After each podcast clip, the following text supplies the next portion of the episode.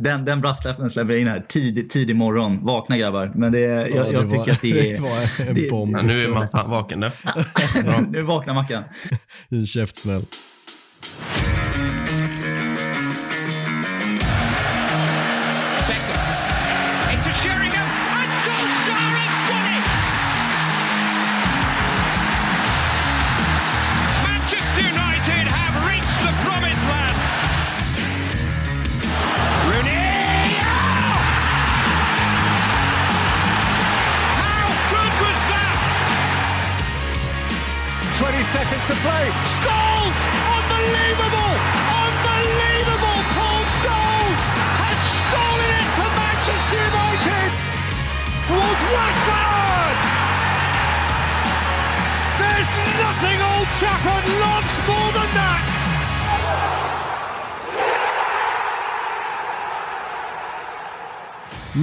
Ska känna er varmt välkomna till ännu ett avsnitt av United-podden.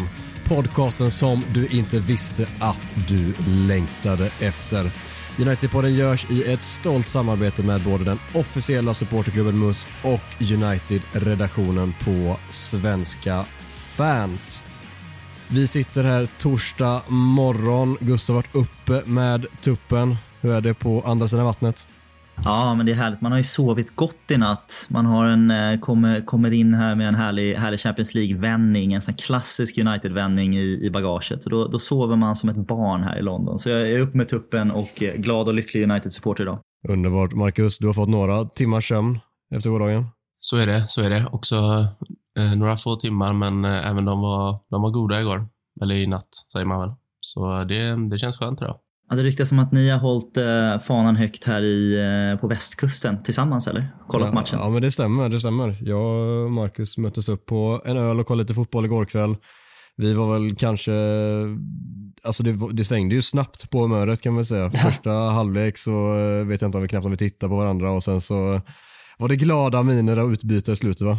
Ja, så var det. Jag fick, eh, jag fick en liten blick eh, mot mig där i första halvlek när Fred höll på att göra mål. Det satte jag hjärtat i halsgropen där nästan för en stund. Men eh, nej, det var härligt. Det var härligt. ja, men du har ju rantat om Fred i så, så många gånger nu och så håller han på att göra ett fantastiskt solomål efter något eh, snabbt eh, väggspel med någon spelare som jag inte minns vem det var och kände nu måste jag ju stirra argt på Mackan och tänka vad fan är det som händer. Ja, det var, det var trevligt men vi har kanske fått några få, en, lite för få timmars sömn. Vi sitter här på morgonen som sagt och det kanske hörs lite i rösterna också att det är just eh, en morgonpodd men eh, vi får ta det för vad det är tänker jag.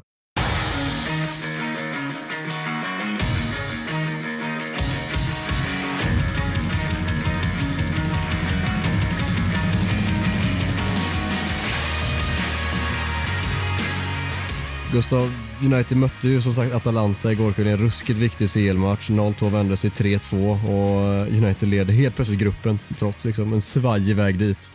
Om vi inleder med första halvleken, vad har vi för tankar om den? Ja, nej men första halvleken är ingen, eh, det är ingen topprestation. Jag tycker, ska, ska vara ärlig så tycker jag att vi kommer undan lite, lite hårt med att ligga, ligga undan med 2-0 efter den halvleken. Äh, ändå, även om det, jag tror att vi kommer prata lite om det idag, men det är ju oroväckande hur vi har en förmåga av att släppa in enkla mål eller billiga mål eller nya typer av mål ofta och det, det här straffar ju oss. Vi, eh, vi släpper in alldeles för mycket mål och det, det förändrar matcherna. I övrigt tycker jag att vi, vi ser ganska pigga ut inledningsvis. Jag känner att så här, men det känns som att vi, det är någon reaktion här på dåliga prestationer senaste veckan eh, och tycker att den här matchen ser lite lovande ut. Sen så börjar bollarna trilla in eh, i fel riktning. Eh, så det är första halvleken är, är oroväckande. Även om jag känner att Atalanta ser inte riktigt så bra ut som jag kanske var, var orolig för på förhand så kände jag väl lite att det här, det här kan vi vända i andra halvlek om vi får igång spelet och får in, får in ett 2-1 mål vilket eh, visade sig att vi kunde göra sen.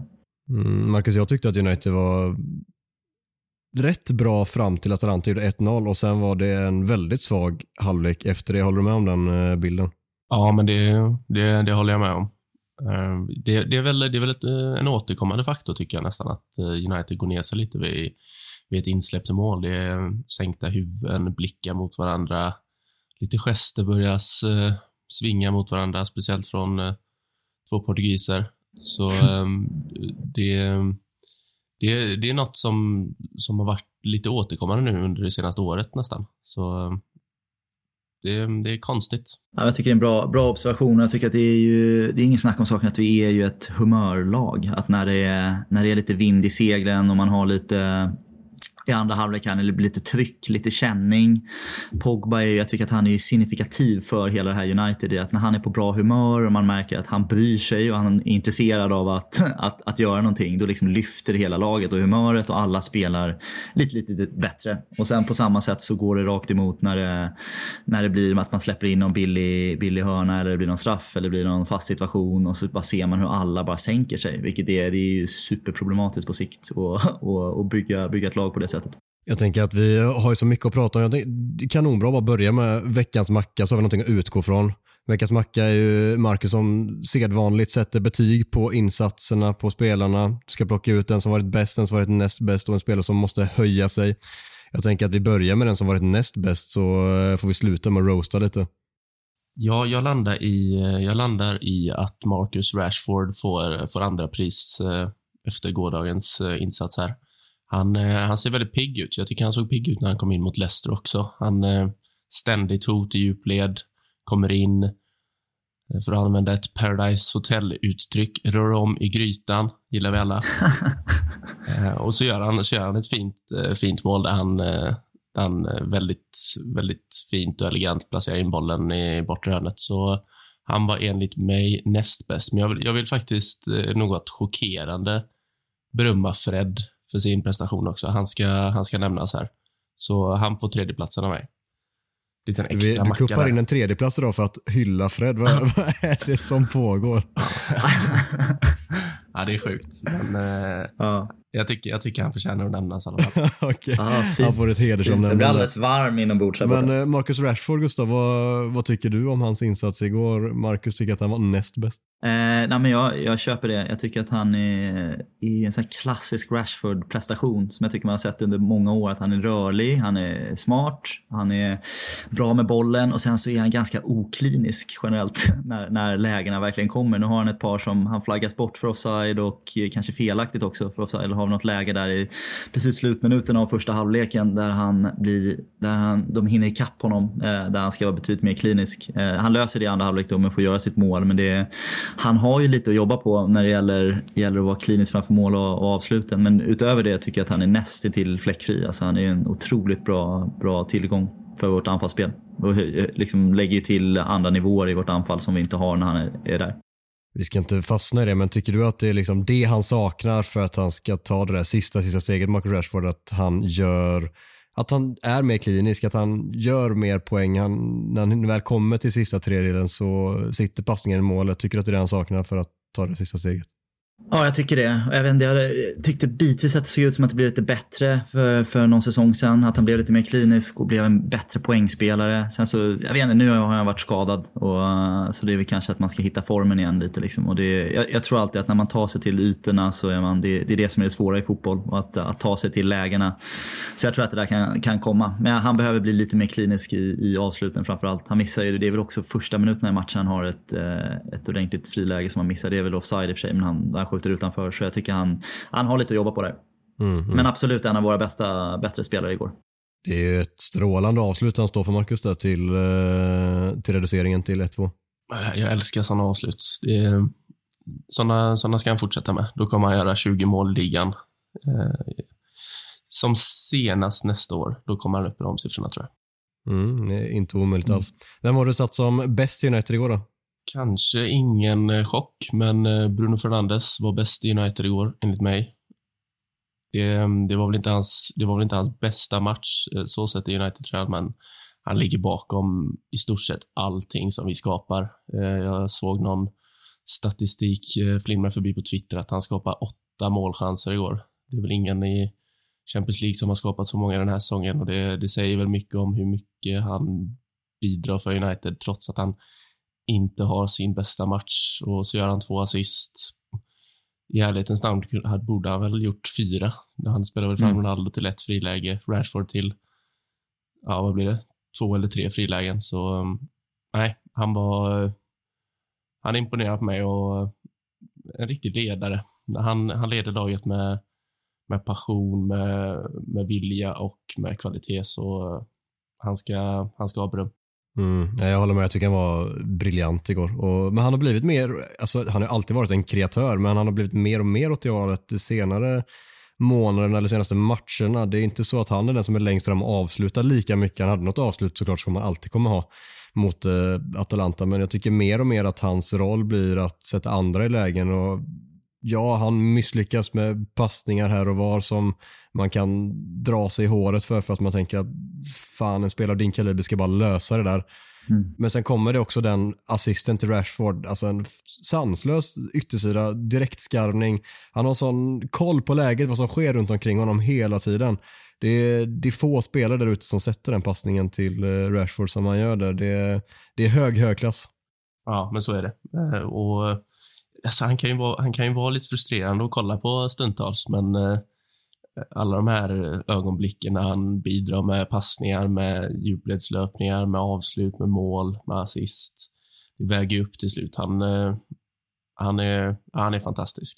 För mig är det liksom värt det, för man vet att i slutändan, trots att han bommar tre, fyra eh, passningar som man tänker nu borde det liksom sitta en pass här som bidrar till något mål eller dylikt, eller en bra målchans. Han bommar några sådana under matchen, men man vet också att till slut så kommer det resultera i ett mål. Det är, det är helt givet att det kommer göra det. Och i slutändan så är det så pass många mål också att för mig så det går liksom inte att och säga någonting annat än att det, att det är värt det, även om man ser folk där ute som frustreras jättemycket på eh, sättet som man spelar bort bollar och sådär. Jag, jag förstår inte riktigt den kritiken. Han, han är så otroligt viktig för oss och kanske ännu mer i ett Ole Gunnar Solskjaer-lag. Då är han uh, vital skulle jag vilja påstå. Ja, det är väl bara att stämma in där. Ah, nej, man har, jag, jag håller med. Han har ju X-factor. Så han, är, han har ju den här spetskvaliteten. Jag tycker det påminner om en annan portugis vi har i laget också som bitvis är extremt frustrerande att se i, i misslyckade enkla passningar, kortpassnings, kortpassningar som inte sitter där de ska eh, eller, eller bortslarvade lägen. Men sen så det, det räcker om man, om man skapar liksom tre, fyra riktigt, riktigt öppna lägen på en matchen så är man på något sätt förlåten. Även om det är frustrerande att se det över 90 minuter. Men eh, Fernandes är ju out, otroligt, otroligt viktig för det här laget. Det är inget snack om saken. Vi ska hitta en spelare att, eh, jag måste inte roasta honom, men en spelare som ska höja sig enligt dig. Vem väljer du? Det, det här, är, det här är svårt. Jag, eh, får man göra en liten, uh, liten specialitet här eller? Jag har jag lite fria händer? Testa får vi se om vi godkänner den. Alltså hela backlinjen tycker jag måste höja sig. vad, vad, vad, säger vi om det? ja. Alltså, det är svårt att inte hålla med. Alltså. Du, har, du har ju rätt i sak, men jag, jag, jag, tillåter inte det. Du måste säga en spelare som du måste peka ut som ska höja sig mer än alla andra. Okej, okay. men eh, då... Eh, då jag, jag, väljer Harry Maguire, men det är för att jag vill prata lite, lite extra om honom. Och eh, vi, kan, vi kan börja med insatsen igår. Den är den är, den är inte usel. Eh, han gör ett mål, vilket såklart eh, påverkar helhetsintrycket av, av hans match. Men eh, det, ser, ehm, det, ser, det ser lite svajigt ut runt honom nästan hela tiden, speciellt under de första 45 minuterna. Och ehm, det ska även tilläggas att Luke Shaw ger inte jättemycket trygghet defensivt nu heller, så han påverkas nog lite av av Shaws eh, svajiga form också. Eh, men sen, eh, sen kan vi ju kolla på alltså helhetsbilden av Harry Maguire just nu. Han är inte jättepopulär. Speciellt inte bland svenska United-fans, eh, vilket eh, egentligen inte är någon nyhet, men eh, han, eh, han hade den där skadan och det känns som att han har slängts in i laget eh, på grund av att Ole inte litar på de andra mittbackarna. Ehm, så ehm, det kanske är lite orättvist, men eh, han behöver höja sig.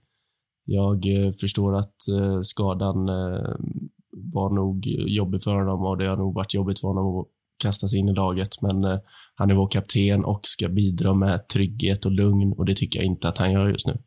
Så han får, han får, tyvärr, han får tyvärr bli min lilla roastgubbe den här veckan. Men jag, jag tror på att han kommer vända på det. Vad säger du Gustav? Harry Maguire måste höja sig mest av alla spelare i United eh, efter gårdagen. Nej, eh, jag håller inte med om det. Jag är, eh, jag är ganska kritisk mot Harry Maguire och jag tror att vi kommer att prata ganska mycket om det senare i det här programmet i en annan programpunkt. Så jag sparar lite av min, min Maguire-feedback där och kommer med ett kontra, kontra offer istället här. Att jag tycker att faktiskt vår, hans svenska mittbackskollega Eh, är, jag tycker Viktor ser svajig ut och jag tycker jag har känt det under en, under en längre period. jag, jag tycker inte riktigt hans bättre kvaliteter som mittback kommer till, uh, kommer till, den, kommer till rätta i, i sättet vi spelar just nu. Jag tycker att han blir, han blir väldigt blottad i sin brist på, på när, närkampsspel, det fysiska spelet.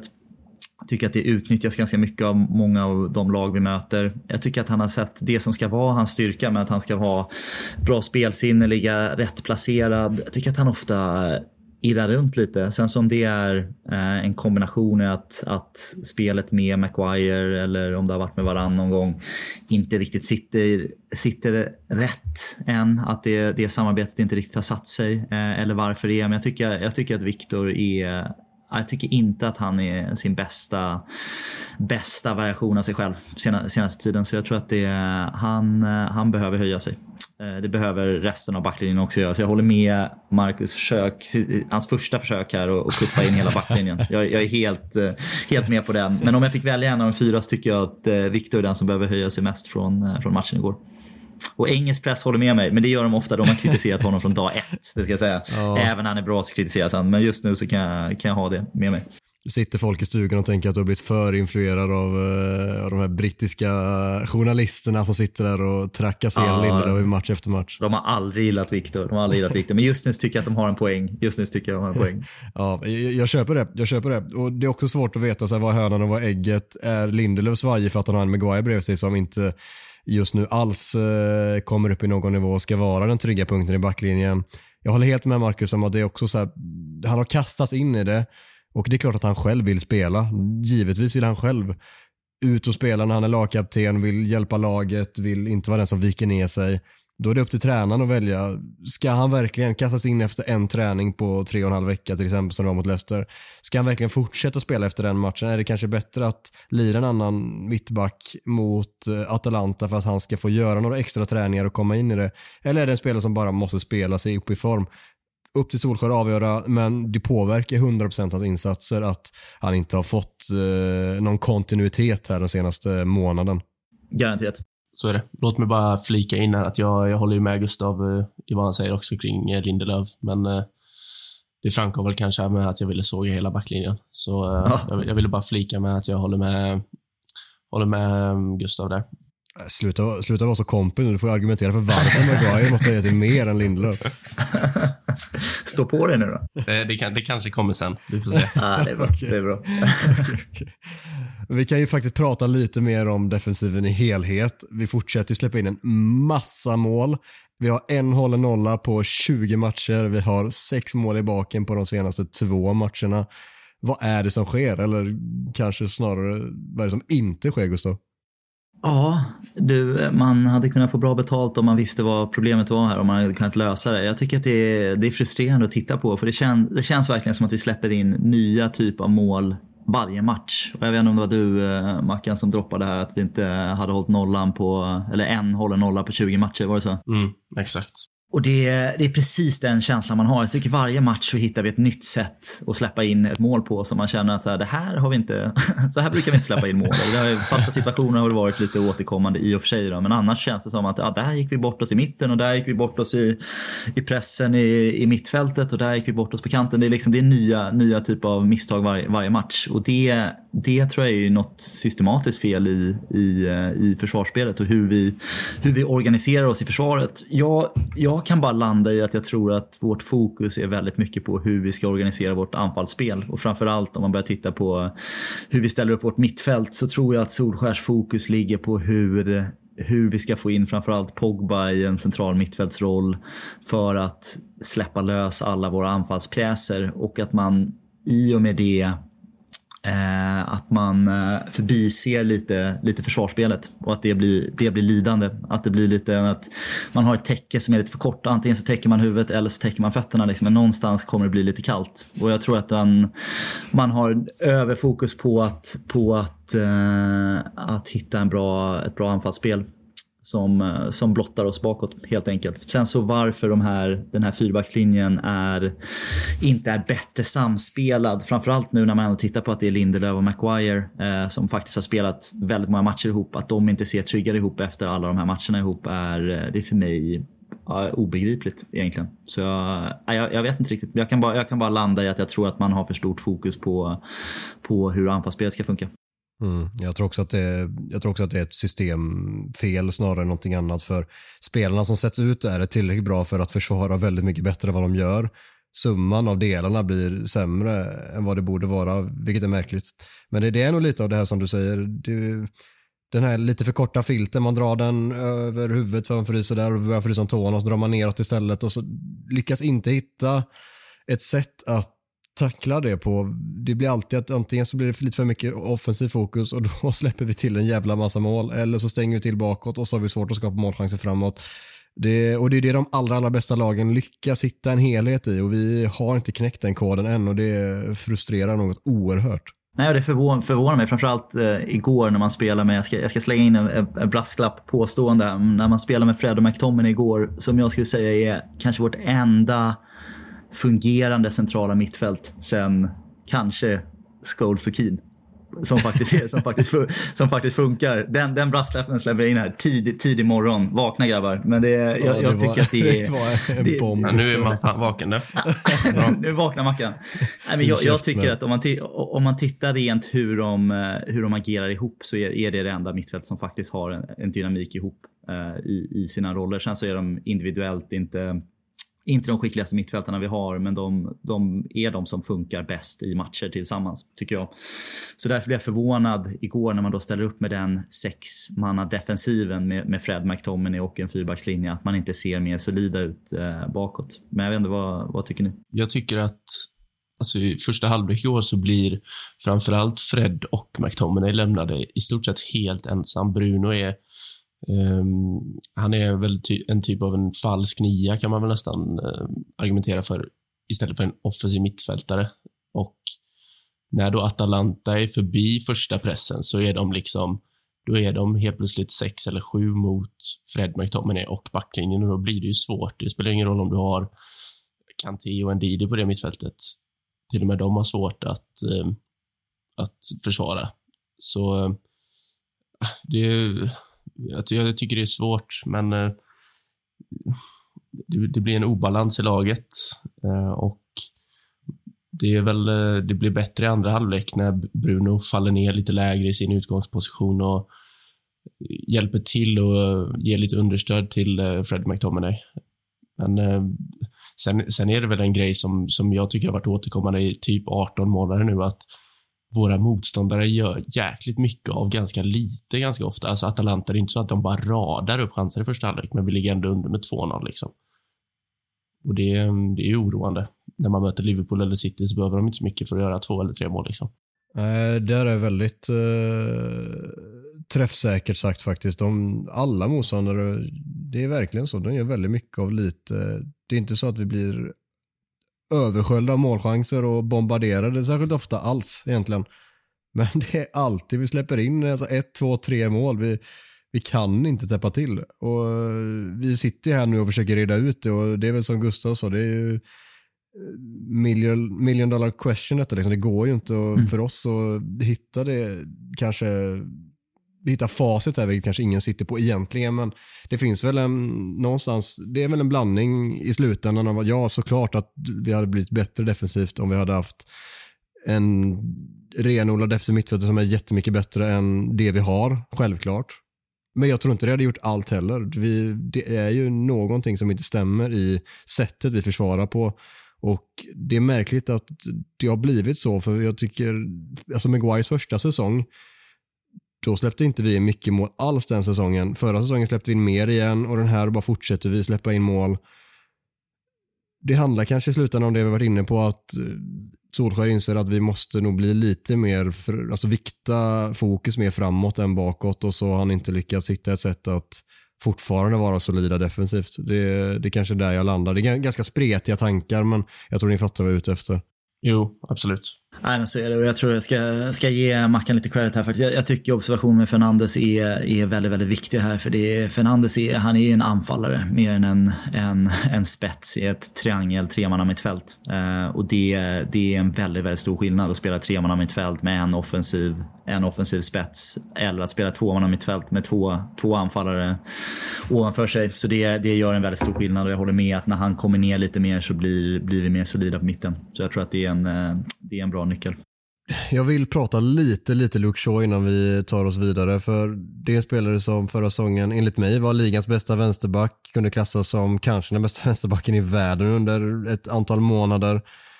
Han har inte kommit upp in i, i den typen av nivå hittills den här säsongen. Nej, jag, jag håller med. Jag, jag, tror att, jag tror att en faktor kan vara att, eh, att han behöver vila lite. Att han, eh, att han kanske, att de roterar lite med han och Telles. Telles får eh, får spela någon Champions League-match eller någon ligamatch och så får så sitta vid sidan och alltså, återhämta lite. Han har spelat liksom konstant nu i, ja, nu vet jag inte exakt, men eftersom det har varit lite strul här med coronasäsonger och sånt, så det har ju blivit väldigt lite vila för han, Maguire, även Lindelöf och Bruno. Och, förlåt, men Shaw om någon är ju inte van vid att spela så här mycket heller. Han som har haft så mycket liksom, skadeproblem fram och tillbaka hela tiden. Nu har han varit skadefri och spelat jättemycket, men det känns som att han inte är van vid det heller, att spela så här mycket. Nej, precis. Jag, jag, jag, tror att jag håller med dig i sak att det, det, ser inte lika, det ser inte lika bra ut som det har gjort eh, det senaste året. Men jag, jag tror att man måste väga in det också att han har spelat jäkligt mycket fotboll och han spelade ett helt mästerskap för England i somras. Eh, och ja, jag, han behöver höja sig och jag, jag tror att han kommer göra det, men jag tror också att han kommer behöva att roteras lite med Telles för att få hitta den toppformen igen. När, när han har varit som allra bäst tycker jag så är det när han har haft sitt samarbete också med Marcus Rashford som har varit skadad nu fram till, ja, men fram till en vecka sedan. Liksom jag tror att det kan höja honom också, framförallt i offensiven och får han självförtroendet offensivt så blir det bättre defensivt också. Det, det hänger lite ihop det där, särskilt med Luke Shaw också tycker jag. Han, han är en självförtroendespelare, får han upp självförtroendet så eh, kan han vara snudd på ostoppbar både framåt och bakåt. Men när det inte riktigt klaffar 100% när det skaver lite så eh, kan vi se insatser som igår där han är svajig på två mål, sen skickar han ett inlägg som gör att vi vinner matchen, vilket såklart ska hyllas, men helheten är inte jätte, jätteskarp. Nej, men jag håller med. Jag tror att ni, ni pekar på precis de två, två sakerna. Dels så att han behöver vila. Jag tycker att Luke Shaw som, som vänsterback jämfört med många av de andra vänsterbackarna både i ligan och i truppen och andra ytterbackar. Han har en väldigt explosiv spel, spelsätt. Eh, där han är som bäst när han får utnyttja sin explosivitet och det är ju ingen snack om saken att det är det som det är det som tummas på när man är lite utbränd. När man har spelat väldigt, väldigt mycket matcher så är man inte riktigt lika explosiv, har inte lika, riktigt lika många maxlöpningar i sig och det tycker jag att man ser. Han har inte riktigt samma liksom ums när han går upp längs kanten nu som han hade, hade förut. Så det tror jag, halva sanningen ligger där. Sen tror jag att det ligger lite i den här hönan och ägget metaforen som vi haft tidigare. Att det är, hela, hela laget är inte riktigt välorganiserat just nu och för att vara en bra vänsterback måste man känna att man har trygghet eh, framför sig. För att kunna gå upp och ha samarbetet med Rashford har suttit mycket bättre än vad det har suttit med en, en Sancho som har kommit in ny eller en Greenwood som har gått där eller en Pogba bitvis som har varit ute på vänsterkanten. Eh, också inte alltid hjälper till jättemycket bakåt så jag tror att det är det handlar lite om de två punkterna. Men jag tror att jag är, jag är inte orolig utan jag tror att han kommer ha väldigt många framgångsrika år framför sig fortsatt. Kort, kort, kort avslutning. Gustav, räddade denna matchen Oles jobb eller påverkade det marginellt på det stora, stora hela tror du? Det var en bra, bra början tror jag. Alla vet att han har ett tufft spelschema här fram, framför sig fram till december och eh, en förlust här eh, hade ju mer eller mindre cementerat att vi troligtvis inte hade gått vidare i Champions League. Så jag tror att eh, när vi börjar komma framåt december sen så tror jag att för att han ska känna sig lite trygg med sitt jobb så bör vi ha gått vidare från den här Champions League-gruppen. Så han har fortfarande ett par tuffa matcher i Champions League att lösa för det.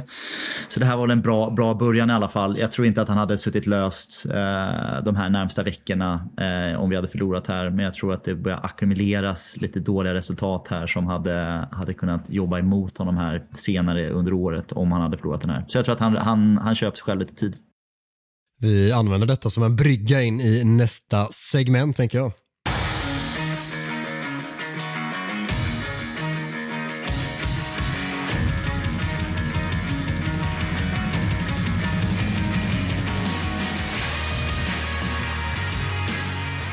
Där kickar vi igång segmentet Talk of the Town där vi slänger upp fem stycken påståenden med aktuella ämnen som vi helt enkelt diskuterar huruvida det är sant eller ej.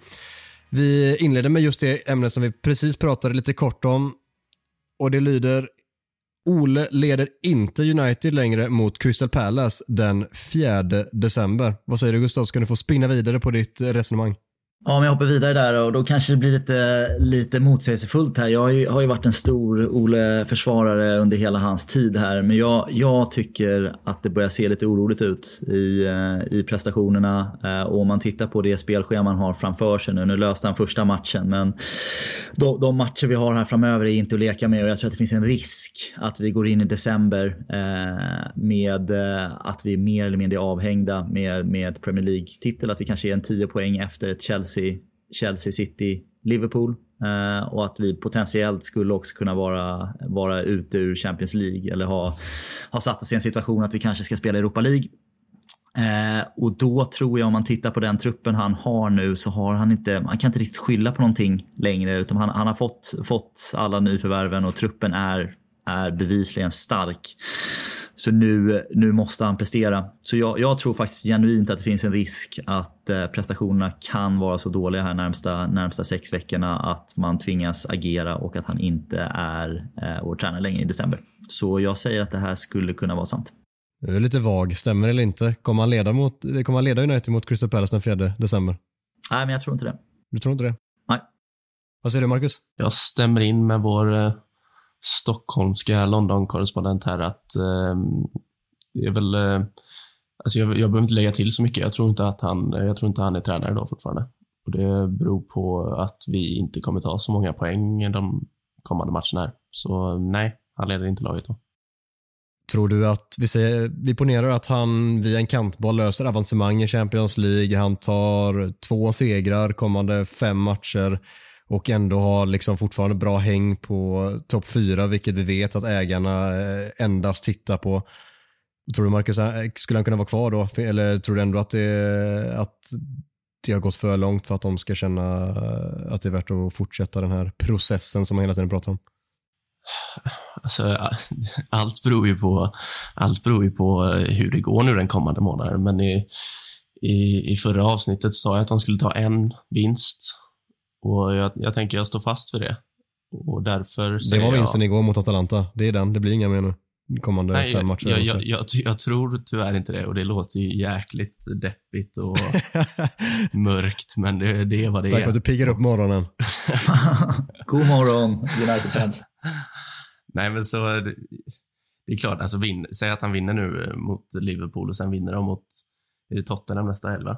Mm. Och så, sen är det derbyt. Säg att de vinner mm. två av tre matcher där. Det är, klart som, det är klart att det blir något helt annat då. Då kommer jag väl sitta ja. här nästa vecka och säga att han kommer att stanna. Men som det ser ut nu så tror jag inte det. Det kommer alltid påverka vad som sker kommande tiden. Det, det förstår nog vem som helst. Men vad tror du Gustav? Att vi säger att han löser på något sätt löser Ole Gunnar ett avancemang i Champions League men det går fortsatt knackigt i ligan fram till just det datumet då som vi har satt mot Crystal Palace den 4 december. Tror du ändå att Tror du att det kan räcka för att han ska vara kvar, att han går vidare i Champions League men det fortsätter se knackigt ut för att spelschemat har varit tufft och de vill se hur det går kanske kommande veckor efter det, eller är det kört i så fall? Nej, det är, det är, inte kört. Jag tror att vi vet att det finns ett otroligt eh, finansiellt fokus från, från de här ägarna som ni, som ni säger här. De vill ju ha, en, eh, de vill ha Champions League-spel varje år och det, det ska man kunna lösa. Så jag, jag tror inte att nödvändigtvis tålamodet är så kort. Men jag tror också att han börjar göra det väldigt, väldigt svårt för sig om han går in i sin, sin ja, det är fjärde säsongen han är tränare eller tredje, tredje långa då, att han att han sätts i en situation att han kanske är avhängd för, för att, att slåss om titeln redan, redan halvvägs in i säsongen och att vi är markant efter topplagen. Jag, jag tror inte att han kan motivera det riktigt med den här truppen eh, i år längre. Så jag, jag, tror att han, att de här matcherna som finns nu, jag, jag, kan se att vi kanske skulle kunna ta någon skalp här, men jag tror att vi kommer, jag tror att vi kommer åka dit mot Watford borta när vi, när vi ska, den här, den här lättaste matchen som vi har i spelschemat där, den där alla förväntar sig att ja, men det är där vi ska ta de tre poängen. Där, där kommer, vi, kommer vi inte ta poängen och kommer, eh, det kommer göra hans, hans situation svår. Mm. Så jag, jag, tror, jag tror inte att en Champions League, att man trasslar sig vidare i Champions League eh, kommer att räcka för honom. Jag tror att han kommer eh, vara kvar som tränare den 4 december mot Crystal Palace. Jag tror att lite av det som jag har varit inne på fiskat hos er för att pressa ur er lite att han kommer göra precis tillräckligt, vilket han alltid lyckas göra. Det kommer vara, det kommer inte vara, vi kommer inte ta alla vinster kommande matcher, nej. Vi kommer inte heller torska alla. Det blir någon imponerande vinst här och var. Som mot Atalanta igår. Alla tror att ah, nu är det kört. 0-2 i halvtid mm. mot Atalanta hemma efter hela bagaget den senaste månaden. Och så vänder vi den från ingenstans, gör 3-2 och hela historien blir en annan. Jag tror det kommer vara tillräckligt många sådana matcher och insatser under den här perioden fram till 4 december. Det kommer vara tillräckligt många för att han inte ska sparkas. Så jag säger att han kommer vara kvar som tränare då. Mm. Sådär ja. Nästa påstående. Johnny Evans har varit bättre i Manchester United än Harry Maguire. Och det är någon som du har kuppat in här Gustav, så jag tänker att du ska få börja och föra ditt resonemang. Jag får börja med den också. Ja, nej, men om man då bara, bara tittar på deras prestationer i, i Manchester United så Johnny Evans hade väl 6-7 säsonger kanske i United. Uh, Harry Maguire var han inne på nu, han börjar sin tredje säsong. Sin alltså tredje, två, ja. två hela säsonger? Uh, om man bara tittar på, på deras, deras bidrag till, till Manchester United i historien så tycker jag att Johnny Evans har varit och var en väldigt mycket mer kapabel mittback än vad Harry Maguire varit under sin tid i United. Jag tycker att det, det nu hade ju visserligen Evans förmånen att spela bredvid Vidic eller Ferdinand då som en tredje mittback mestadels under deras peak också. Han hade ju ett betydligt bättre lag att spela i. Men jag, jag tycker att hans kvaliteter som spelare, om man tittar på hans positionsspel, brytsäker, snabbhet, rörlighet, lugn, trygghet, de kvaliteter han har som mittback eh, är, är bättre än de, de Harry Maguire har. Eh, Harry Maguire kom in som en ledare, ja. Men om man tittar spelmässigt hans kvaliteter så tycker jag han har ganska stora brister som en modern mittback. Eh, framförallt i ett en mot en-spel. Rörligheten, bitvis hans beslutsfattande. Eh, jag är förvånad att han, väldigt, väldigt förvånad att han var prissatt till det han var en, en gång i tiden när vi köpte honom som världens, världens dyraste mittback. Och jag tycker han ska väl inte behöva leva med den prislappen hela sin karriär. Men jag tycker inte att han är, han har de individuella kvaliteterna som en mittback. Vilket, vilket för mig, eh, jag, jag har saknat Johnny Evans eh, otroligt mycket sen vi sålde honom. Och jag tycker om man tittar framförallt hur vi har de mittbackar vi har haft kvar till förmån för, för Johnny Evans när vi släppte honom till West Bromwich tror jag för, för jordnötter liksom, en, en gång i tiden. Det var ju, släppte iväg honom gratis.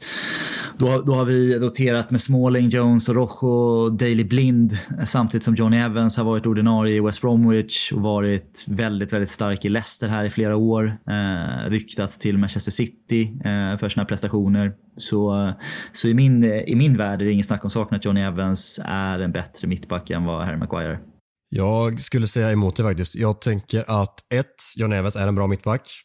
Två, Harry Maguire är en bra mittback.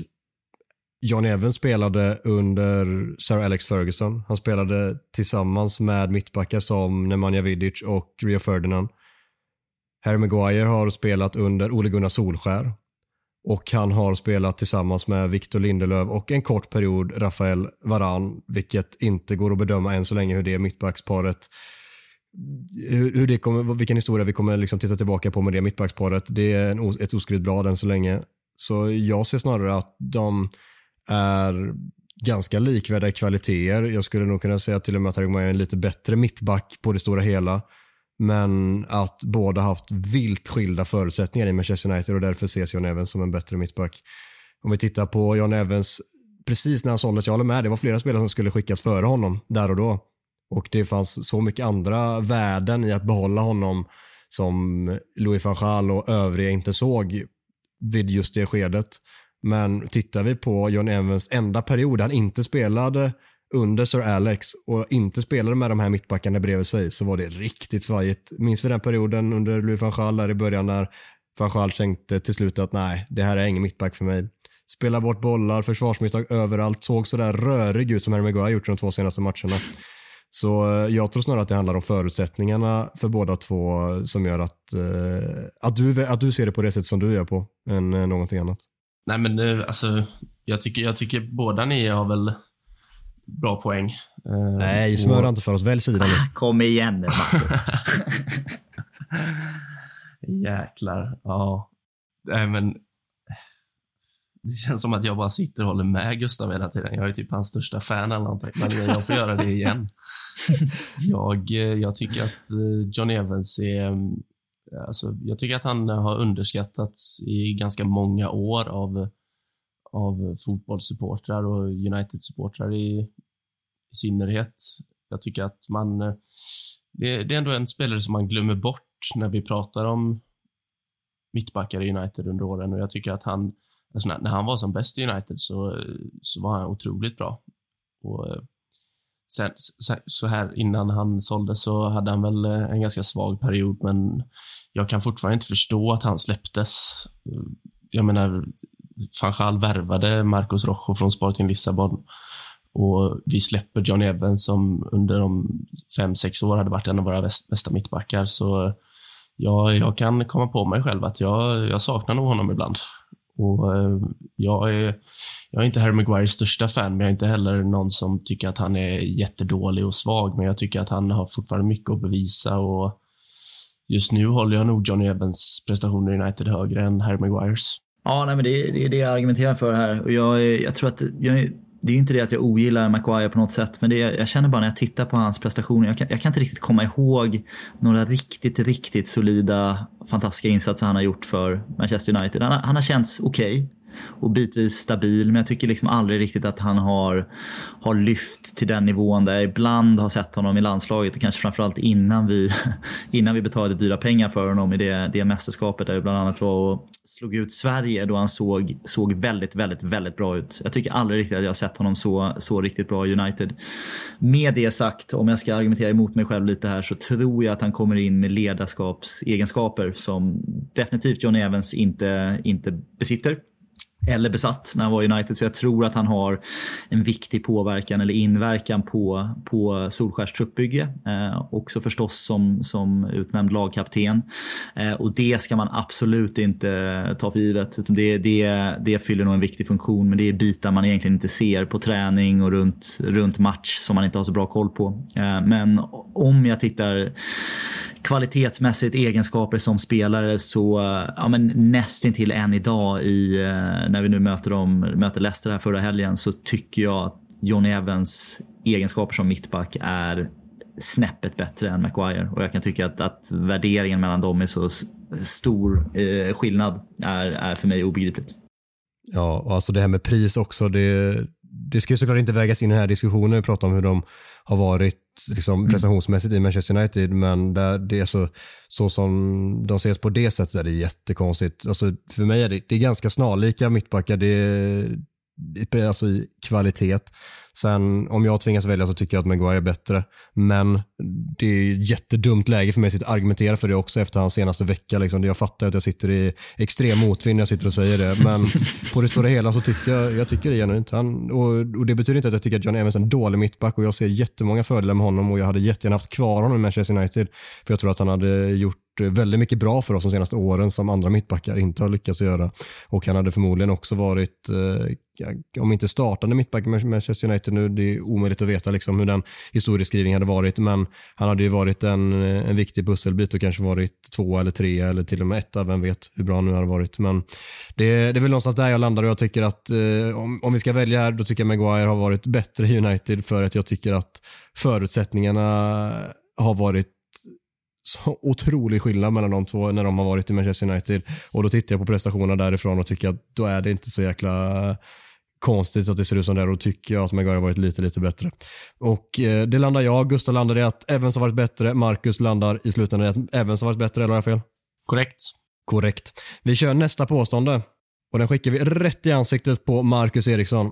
Manchester United är ett sämre lag med Cristiano Ronaldo i startelvan än utan. Det tycker jag absolut att Manchester United är.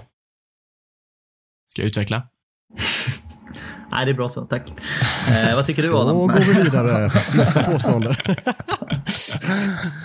Nej, men... Eh, det, jag vet inte. Jag, jag, det kanske är många som inte kommer hålla med mig och så får det vara, men jag, jag står solklart fast vid det här och jag tyckte egentligen, eh, egentligen sedan han kom, jag, jag förstår syftet med att han blev tillgänglig och eh, ryktades till City och United eh, kände att de måste agera. Han ska, han ska hem. Eh, men om vi, om vi bara släpper de här känslo, känslobesluten som tagits så eh, om vi kollar lite på vad han faktiskt ger United så tycker jag inte att jag tycker inte att det han ger räcker för att jag ska tycka att, eh, att det var en bra värvning eller att att han gör oss till ett bättre lag. För ehm, han är, han är en fantastisk målskytt och han är, eh, om, om inte världens bästa spelare, en av världens bästa spelare i boxen. Men han bidrar med så lite utanför och jag, jag vet att jag har sagt det innan i podden, men det blir så tydligt under så, så stora delar av matcherna att att det, jag, jag, tycker inte att det är hållbart. Han kommer, göra, han kommer göra en del mål och han har väl eh, hjälpt oss. Till, alltså, han har väl ensamt typ gett oss sex poäng i Champions League-gruppen och det ska han såklart ha beröm för, men eh, hans prestationer utöver målen är för dåliga för att målen ska väga upp. Alltså då behöver han komma upp på typ 50-60 mål den här säsongen och det tror jag inte att han kommer göra. Så ehm, ja, jag, jag, tror, eller jag tror, jag tycker att Manchester United är ett bättre fotbollslag utan Cristiano Ronaldo i startelvan. Än en, en som Cavani eller en nu kommer jag säga det, Anthony Martial i startelvan, så, så, så blir vi mer, vi blir mer dynamiska och vi blir mer, vi hotar på mer fronter och sprider ut målskyttet på ett bättre sätt. Så, du tycker helheten blir bättre? Är det det du är ute efter? Ja. ja. Mm. Gustav, om vi säger så här då, att för Alltså, Ronaldo så som han ses på beror ju också mycket på att han heter Cristiano Ronaldo och alla vet vad det är för spelare, vad han har varit för spelare. Mm. Om vi säger att en spelare som heter någonting helt annat kommer in och gör exakt de prestationerna som Ronaldo har gjort i United. Vad hade du sagt då? Är det tillräckligt bra?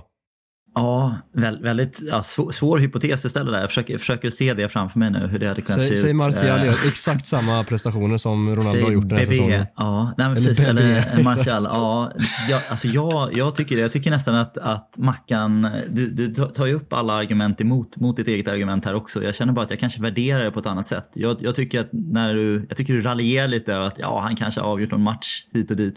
Vi kommer precis från två Champions League-tillställningar här där han, precis som du säger, har, har kommit in och gjort, gjort de där avgörande målen. Och jag, jag håller inte med att man behöver 50 mål från honom utan vad man vill ha och vad man får från Ronaldo anno 2021 är ju de där 10 målen per säsong där han avgör matchen när det verkligen, verkligen, verkligen gäller. Inte de där Berbatov två målen som han alltid gjorde när det redan stod 3-1 och matchen var avgjord. Liksom. Utan, utan de här, vi snackar om de här målen som verkligen, verkligen, verkligen behövs. på Marcus hus nu också. nu blir jag upprörd här borta. Jag, jag älskar ju Berbatov men han gjorde ju liksom väldigt, väldigt sällan det där avgörande målet. Väldigt, väldigt ofta gjorde han hattrick när, när vi redan ledde med två, två bollar. Liksom. Eller fyra mål har vi gjort någon gång också. Men det vad säger jag han Adam? Jag har stängt av här borta. det var ju lite där Lukaku-syndromet också. Flat track bully vad de kallar det borta i England. Det är så här, gör jättemycket mål mot de sämre lagen och kanske framförallt när man leder med två bollar. Ja, men lite så. Lite så. Nej, så jag, tycker, jag, jag håller i grund och botten med med det Mackan säger. Jag, jag tycker inte att hans spel, framförallt utanför straffområdet och framförallt i speluppbyggnaden, är, är särskilt bra eh, under all kritik bitvis i, eh, i, eh, i den, här, den här tiden. Men jag tycker absolut att det vägs upp med hur, hur klinisk han är och den, den X-factor som, som jag nämnde tidigare med Fernandes också som han har. För det, det går liksom inte att sätta ett pris på det jag, jag, tror inte att Martial är den typ av spelare som gör de här målen som, som Ronaldo har, har redan visat att han har, är kapabel att göra när det verkligen, verkligen gäller. Eh, och jag tror att när vi tittar tillbaka på den här säsongen så det kommer finnas en, en 5-10 till mål som Ronaldo kommer göra. Eh, kan, kanske förhoppningsvis nu närmsta veckorna också i, i matcher när det verkligen, verkligen gäller som jag tror att man inte hade fått från någon annan spelare. Så jag tycker det är värt det. Däremot skulle jag säga att man man måste ha spelare omkring Ronaldo som, som, eh, som kompenserar för hans brister. Framförallt i pressspelet i försvarsspelet. Eh, och framförallt i speluppbyggnaden. Eh, Ronaldo ska inte vara nere och hämta boll ano, eh, eller som, som eh, Wayne Rooney gjorde en gång i tiden, vara nere och hämta på eget, eget mittfält. Utan han ska vara en, en spjutspets nia eh, med lite, lite fri rörlighet, absolut. Men de andra spelarna bakom honom måste ta ett större ansvar. Dels i försvarsspelet men även i speluppbyggnaden. Och jag tror att när man kan hitta den, när man kan hitta den balansen rätt så tycker jag absolut att det är inget snack om saken att United är ett betydligt bättre lag med, med Ronaldo på planen än vad man är utan. Jag vill bara flika in jag, som jag kanske inte fick in där. Alltså jag, ty jag, tycker att, ehm, jag tycker att United tappar så mycket i det, i det övriga spelet och framförallt i, det känns ju tröttsamt att säga det, men alltså han är så usel i pressspelet och Ole sa igår att han springer runt där framme. Ja, det är väl typ det han gör. Han springer runt utan syfte.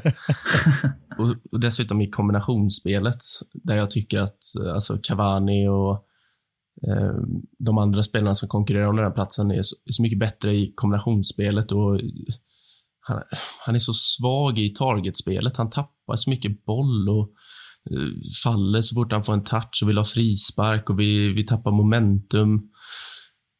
Det, det kan vara jag som är för hård mot honom också. Eh, och så är det säkert. Jag har väl den tendensen, tänker jag. Men det är rimligt att ha höga krav på Cristiano Ronaldo också. Det, det är inte vilken spelare som helst. Det, jag tycker det är fullt, eh, det är fullt rimligt. Jag tycker inte jag har så höga krav på honom, det är det dock. det är väl där det faller lite. Du vill att han ska ganska... kunna slå en direktpassning som hittar rätt adress menar du? ja, alltså jag, jag har ganska låga krav generellt på United-spelare. Det är därför jag blir så förvånad om ändå lyckas snubbla på den låga ribban jag har satt. Men eh, ah, jag, jag, kan vara hård mot honom, men jag tycker att han...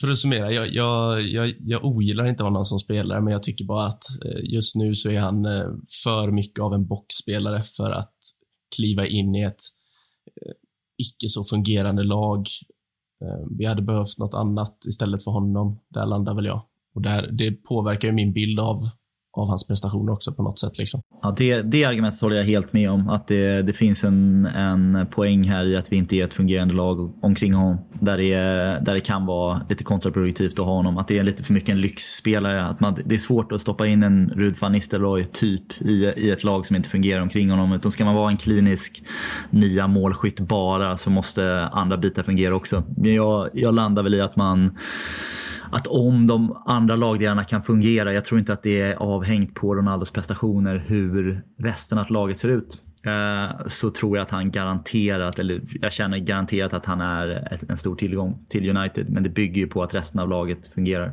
Så jag, jag, tror inte att han är problemet, utan jag tror att han absolut är lösningen om de andra bitarna fungerar. Jag, jag vill bara tillägga där att eh, jag, jag, tycker inte han är problemet.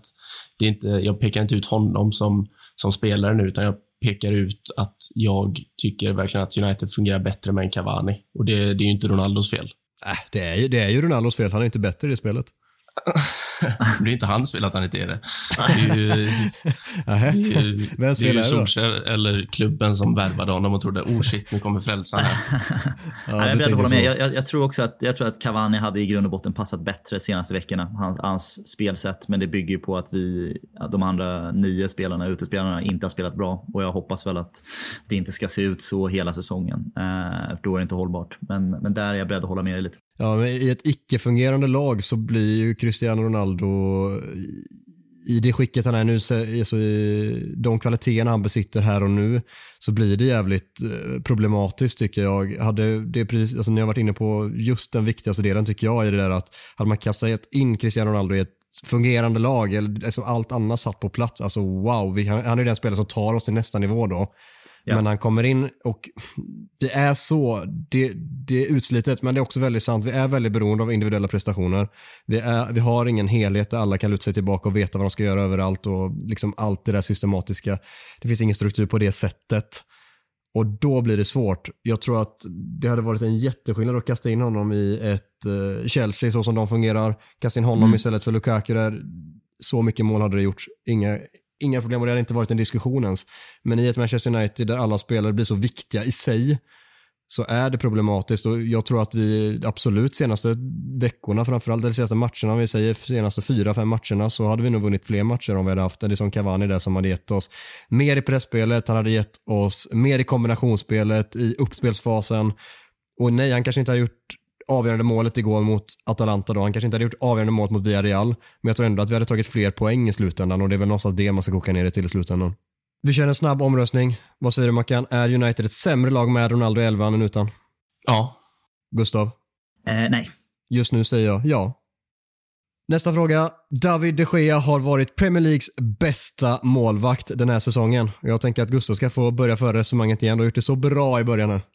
Ja, vad kul. Jag, jag har alltid gillat David de Gea.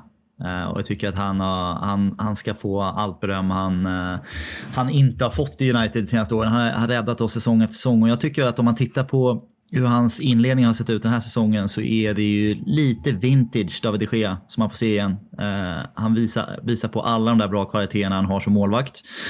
Och har, jag tycker väl nästintill att han har varit felfri eh, säsongsinledningen. Jag, jag, kan inte riktigt komma på vilka misstag han skulle ha gjort, men jag tycker att han har varit precis så där bra som han var när han var på toppen i form av att han gör väldigt få misstag och framförallt gör ett par idioträddningar eh, mer eller mindre var och varannan match. Sådana där, såna där räddningar som egentligen är garanterade mål på eh, 95 procent av alla målvakter där ute som han, som han räddar oss i. Så det, jag, jag kan inte riktigt se vilka andra målvakter som skulle ha varit så himla mycket bättre. Det är väl kanske Mendy som är lite hypad i Chelsea. har gjort ett par riktigt, riktigt bra insatser. Alisson Becker som alltid är stabil, men jag tycker han har, ja, har väl kanske inte stuckit ut så jättemycket i år. Så jag, jag är nog beredd att, att säga att han är Premier Leagues bästa målvakt just nu. Ja, jag håller med faktiskt. Det är väl, det är väl eh, Mendy i Chelsea som är med och konkurrerar där. Jag såg, eh, jag såg deras match mot Brentford här i, i lördags kväll och det var, det var nog eh, en av de bästa målvaktsinsatserna jag har sett på, på ganska länge. Så det står mellan, det står mellan Mendy och de Gea, men jag är inte ett jättestort fan av Chelsea eller Mendy, så vi, vi kör de Gea och så går vi på, så går vi på det tycker jag. Jag tycker det, det, är fullt rimligt att argumentera för båda två. Vi sitter i United-podd, självklart väljer vi David de Gea, inga konstigheter därifrån och så går vi vidare. det låter bra. Sista påståendet Marcus, du får börja. United har spelare för spelare ett likvärdigt lag med Liverpool och här är vi inte ute efter att vi ska liksom nagelfara varenda, varenda spelare på varje position och jämföra fram och tillbaka. Det, det har vi absolut inte tid med. Det, då går vi miste om så mycket annat att prata om. Men på det stora hela har United ett likvärdigt lag med Liverpool? Jag har suttit och tänkt på det ett tag nu och jag landar nog i att, eh, att vi har det. Och eh, då väger inte jag in nuvarande form eller eller, eller tränare eller något sånt, utan det är bara liksom spelare för spelare, alltså kvalitetsmässigt på spelarna. Ja, precis, precis. Och eh, det har vi nog. Eller nog. nu, är jag, nu är jag otroligt obestämd här. Sätt ner foten. ja, men det har vi. Det har vi. Vad säger Gustav?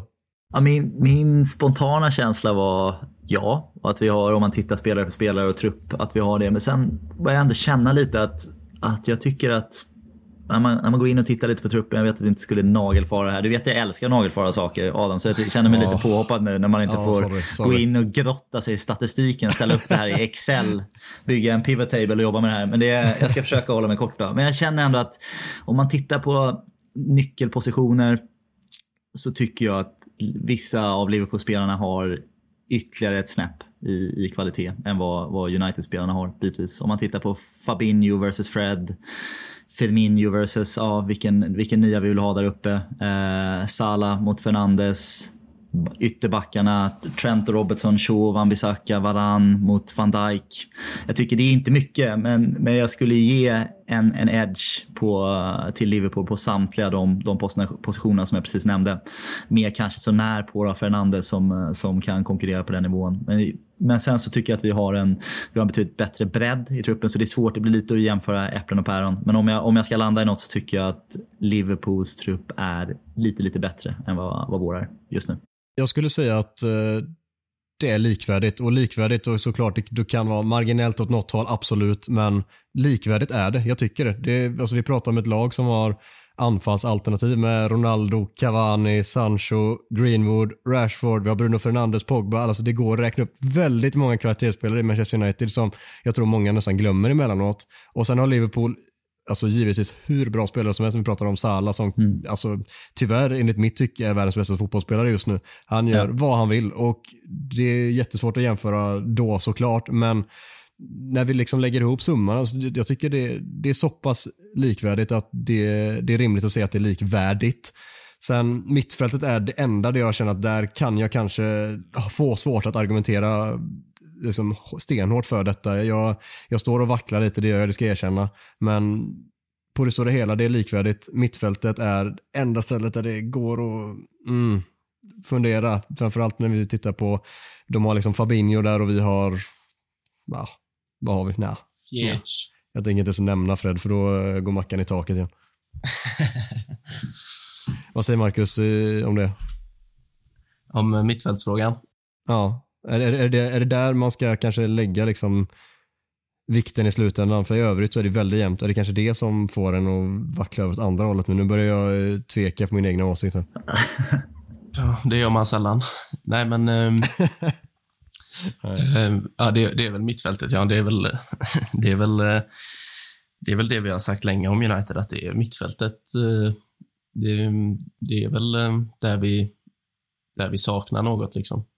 Så ehm, ja, det, Fabinho mot Fred, det, det, det, säger väl sig självt att Fabinho är den bättre spelaren där. Och sen har de väl spelat lite med Naby Keita det senaste och han är väl... Eh, är han hade haft det tufft att gå in på Uniteds mittfält till och med och det säger väl det mesta om den spelaren. Mm.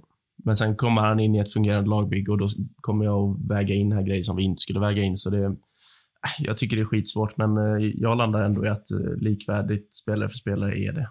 Och, Sen, sen, det skiljer väl lite åt något håll, kanske åt Liverpools håll. Men eh, ja, alltjämt likvärdigt tycker jag. Ja, jag, jag, landar, jag landar i slutändan. Det är, det är likvärdigt och Gustav tyckte att det inte var likvärdigt eh, i slutändan. Då har vi fått en sammanfattning på det. Och med det sagt så dyker vi ner i det sista segmentet för veckans avsnitt.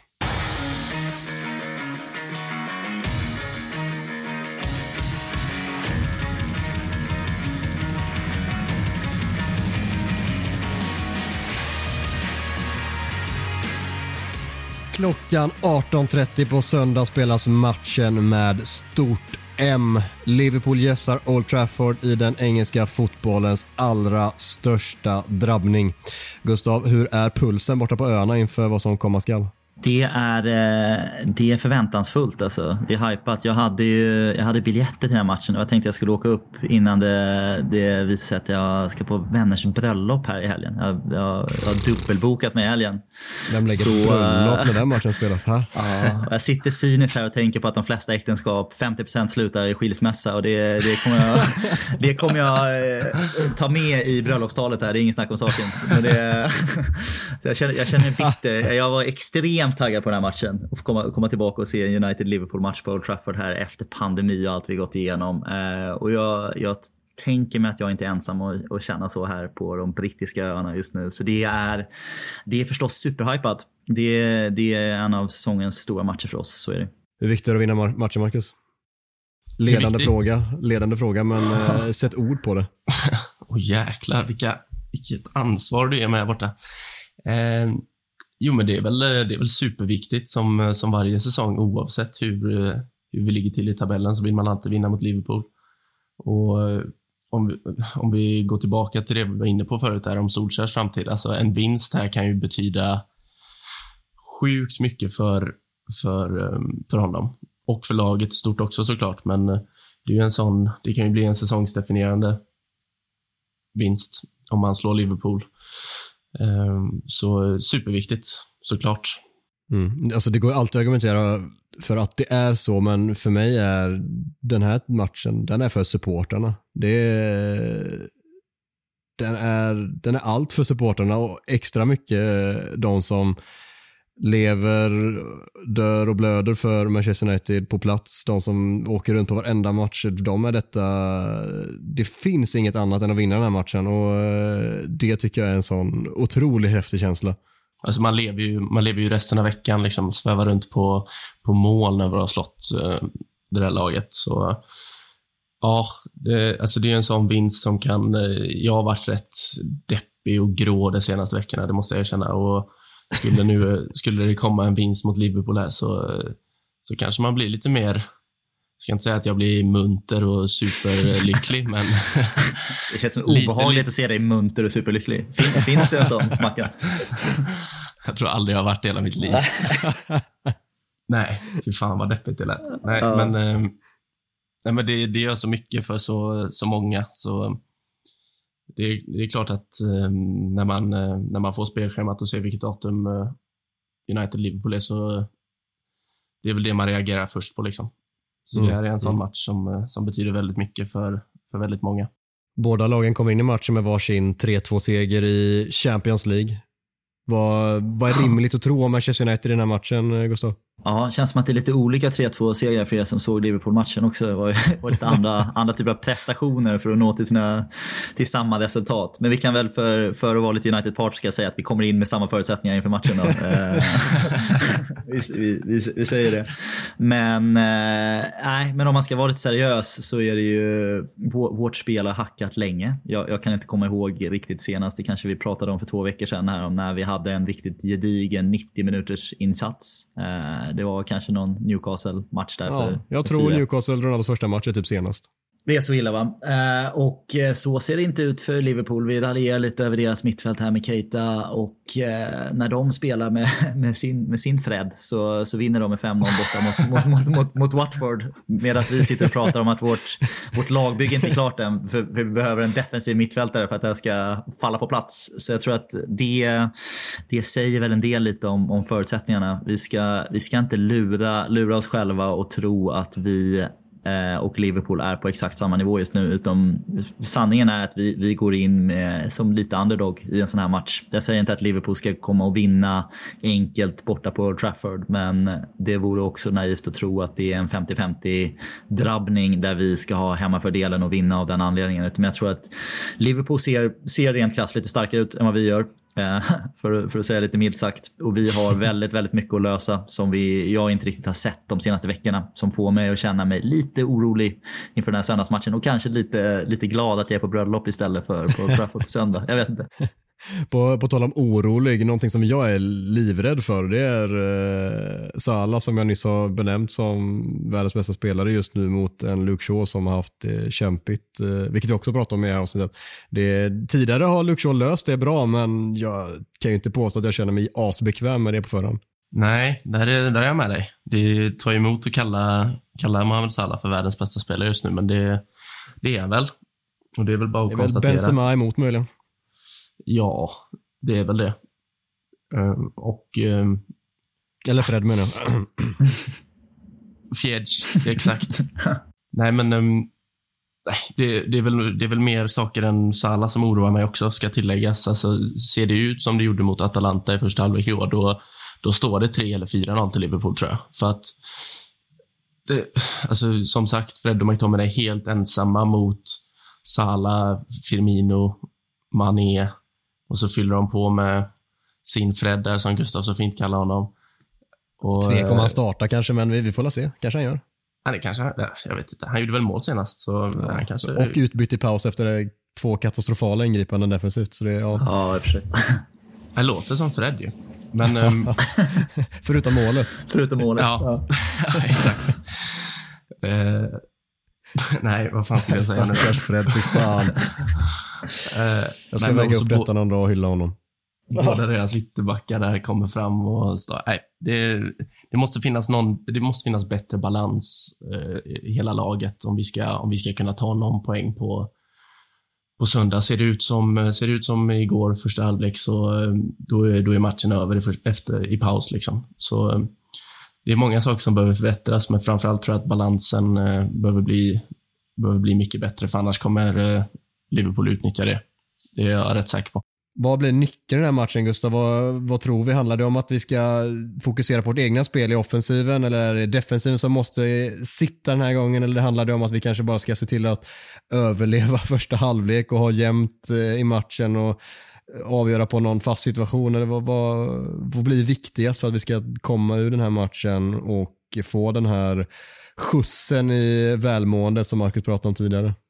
Ja, men jag tror att vi måste back to basic lite i vårt, i vårt grundspel och försöka spela de där matcherna, de där toppmatcherna som vi gjorde eh, för ett år sedan ungefär. När vi mötte Liverpool och Manchester City och eh, släppte ifrån oss bollinnehavet lite, satte oss lite lägre, lät Fred och McTominay vara, var defensiva eh, block framför vår, våra mittbackar och fokusera på snabba omställningar och kontringar. Jag tror rent krasst att vi måste släppa vår stolthet här och tro att vi ska spela, spela hög press och bollinnehav mot Liverpool. Eh, jag tror att vi kan bli extremt sårade av det om, om vi gör det. Så det, jag tyck, det handlar lite om ett, ett vägskäl här för, för Ole om han, om han känner att han har det, det självförtroendet att faktiskt släppa ifrån sig bollen lite och initiativet i den här matchen.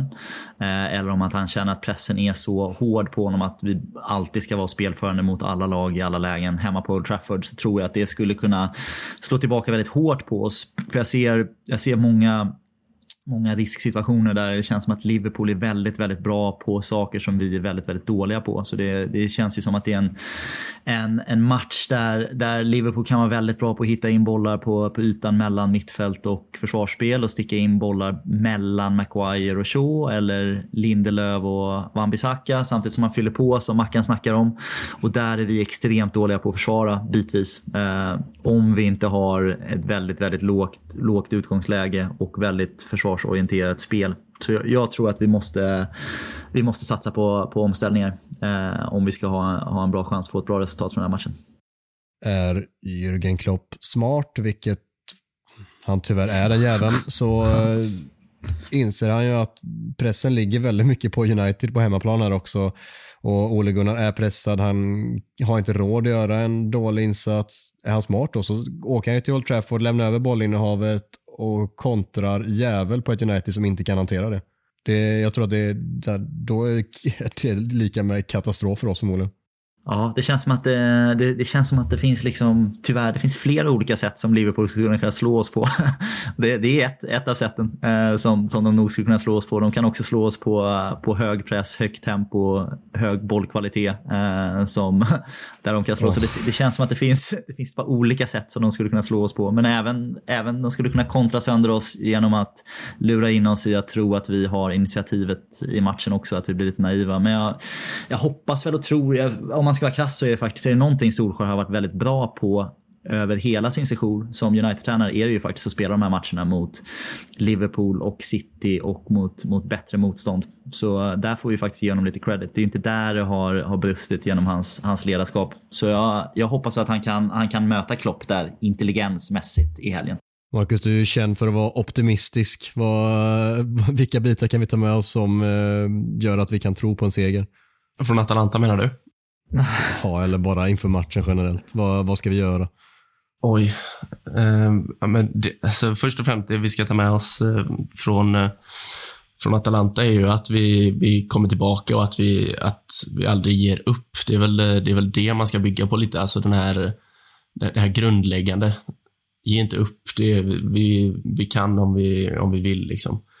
Eh, spelmässigt så där finns det väl inte jättemånga bitar som vi kan trycka på och bara det här, det här kan vi såra Liverpool med. Det är väl i så fall om eh, skicka in lite bollar på Ronaldo så gör han väl ett mål om han, om han, får, om han får några chanser. Så, eh, men jag, jag, är inne på, jag är inne på det som Gustav, alltså gå, gå tillbaka lite till basic. Som vi, om vi kollar på insatsen mot City förra året på Etihad när vi, faktiskt spelar riktigt bra fotboll, men inte har så mycket boll, utan vi, vi kontrar i stort sett sönder dem. Nu vet jag, nu vet jag inte hur Ole tänker där. Det, mm, jag är inne på samma där, att de kan, Liverpool kan straffa oss om vi, om vi kliver för högt och vill ta initiativet. Eh, det måste, det måste till med en bättre balans och som sagt, jag tror att det blir nyckeln. Alltså, har, vi, har, vi en, har vi en stabil grund, vilket vi inte haft många matcher, men om vi hittar tillbaka till någon typ av stabil grund så tror jag ändå att vi kan såra Liverpool med tanke på den individuella kvaliteten vi har där uppe.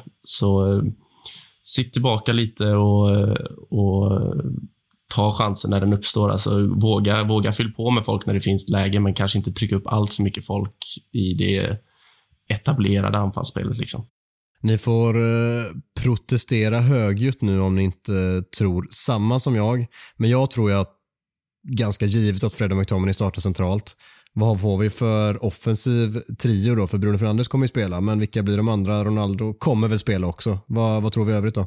Ja, precis. Där kan man ju slå tärning då och gissa vad det skulle kunna bli. Men jag tänker att det håller han Pogba utanför startar han igen. Jag känner nästan att han potentiellt vilades i viss mån här i, här i veckan. Så jag skulle inte förvåna mig om man kanske kan sätta Pogba i den där vänster, vänsterrollen då. Och då är väl på, på en höger att inte fasen om man, eh, om man låter en antingen Rashford eller eh, eller, ja, det är Rashford, Sancho eller Greenwood. Jag känner att jag svarar inte på det här.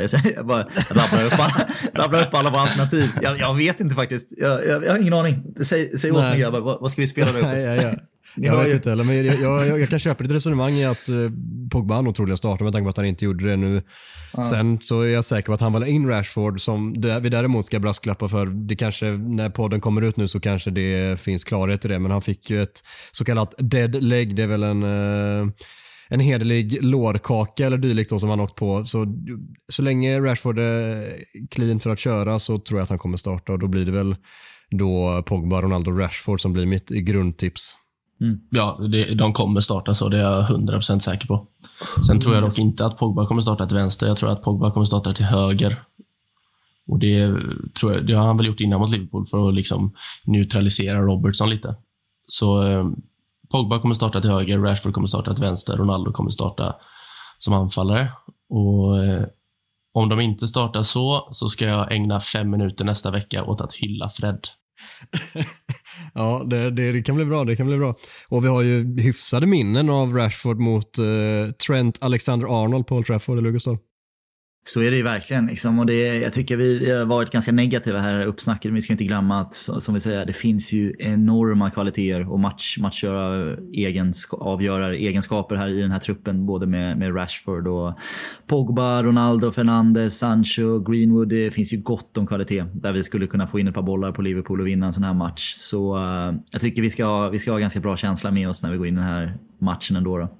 Vi avslutar med lite pepp. Vad, vad vinner United med? Vad säger vi? Ja, får vi en 3-0? Nej, jag känner vi kommer ju släppa in första målet så vi, det får bli en 3-1 då kanske. 3-1. Mysigt. Rashford gör hattrick. Åh, oh, så jag kommer njuta då. Ja. Fred, 2.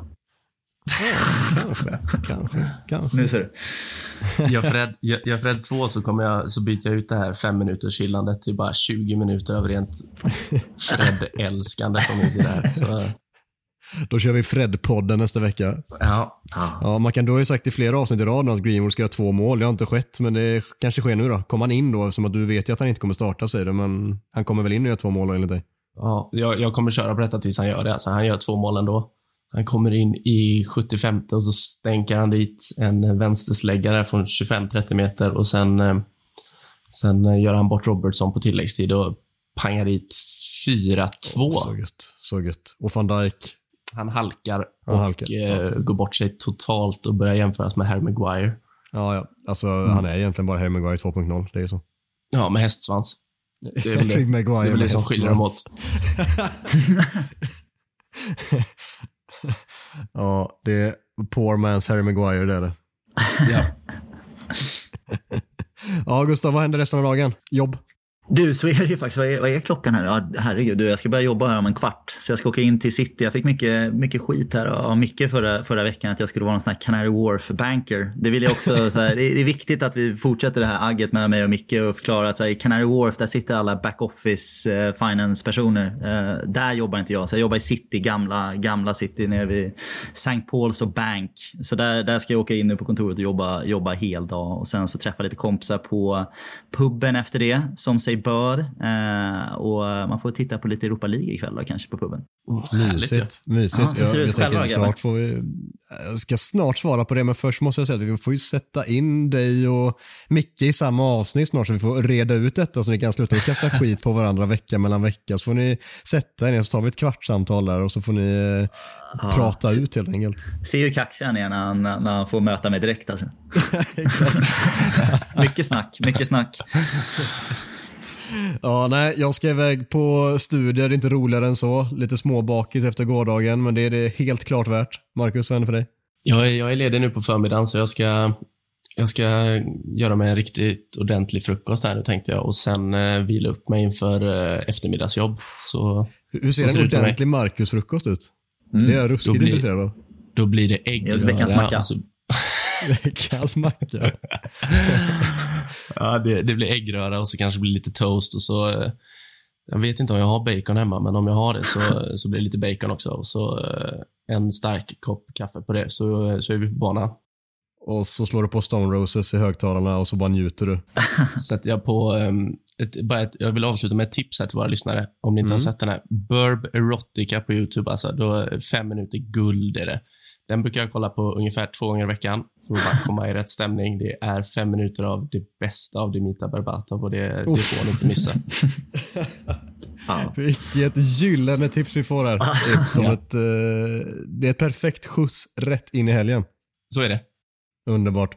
Med det sagt så tackar vi er lyssnare för att ni fortsätter lyssna på podden, för att ni fortsätter skicka in så fint beröm och så fin feedback som vi har fått. Det ska ni ha tusen tack för att ni, att ni visar att ni uppskattar det vi gör. Det är superroligt.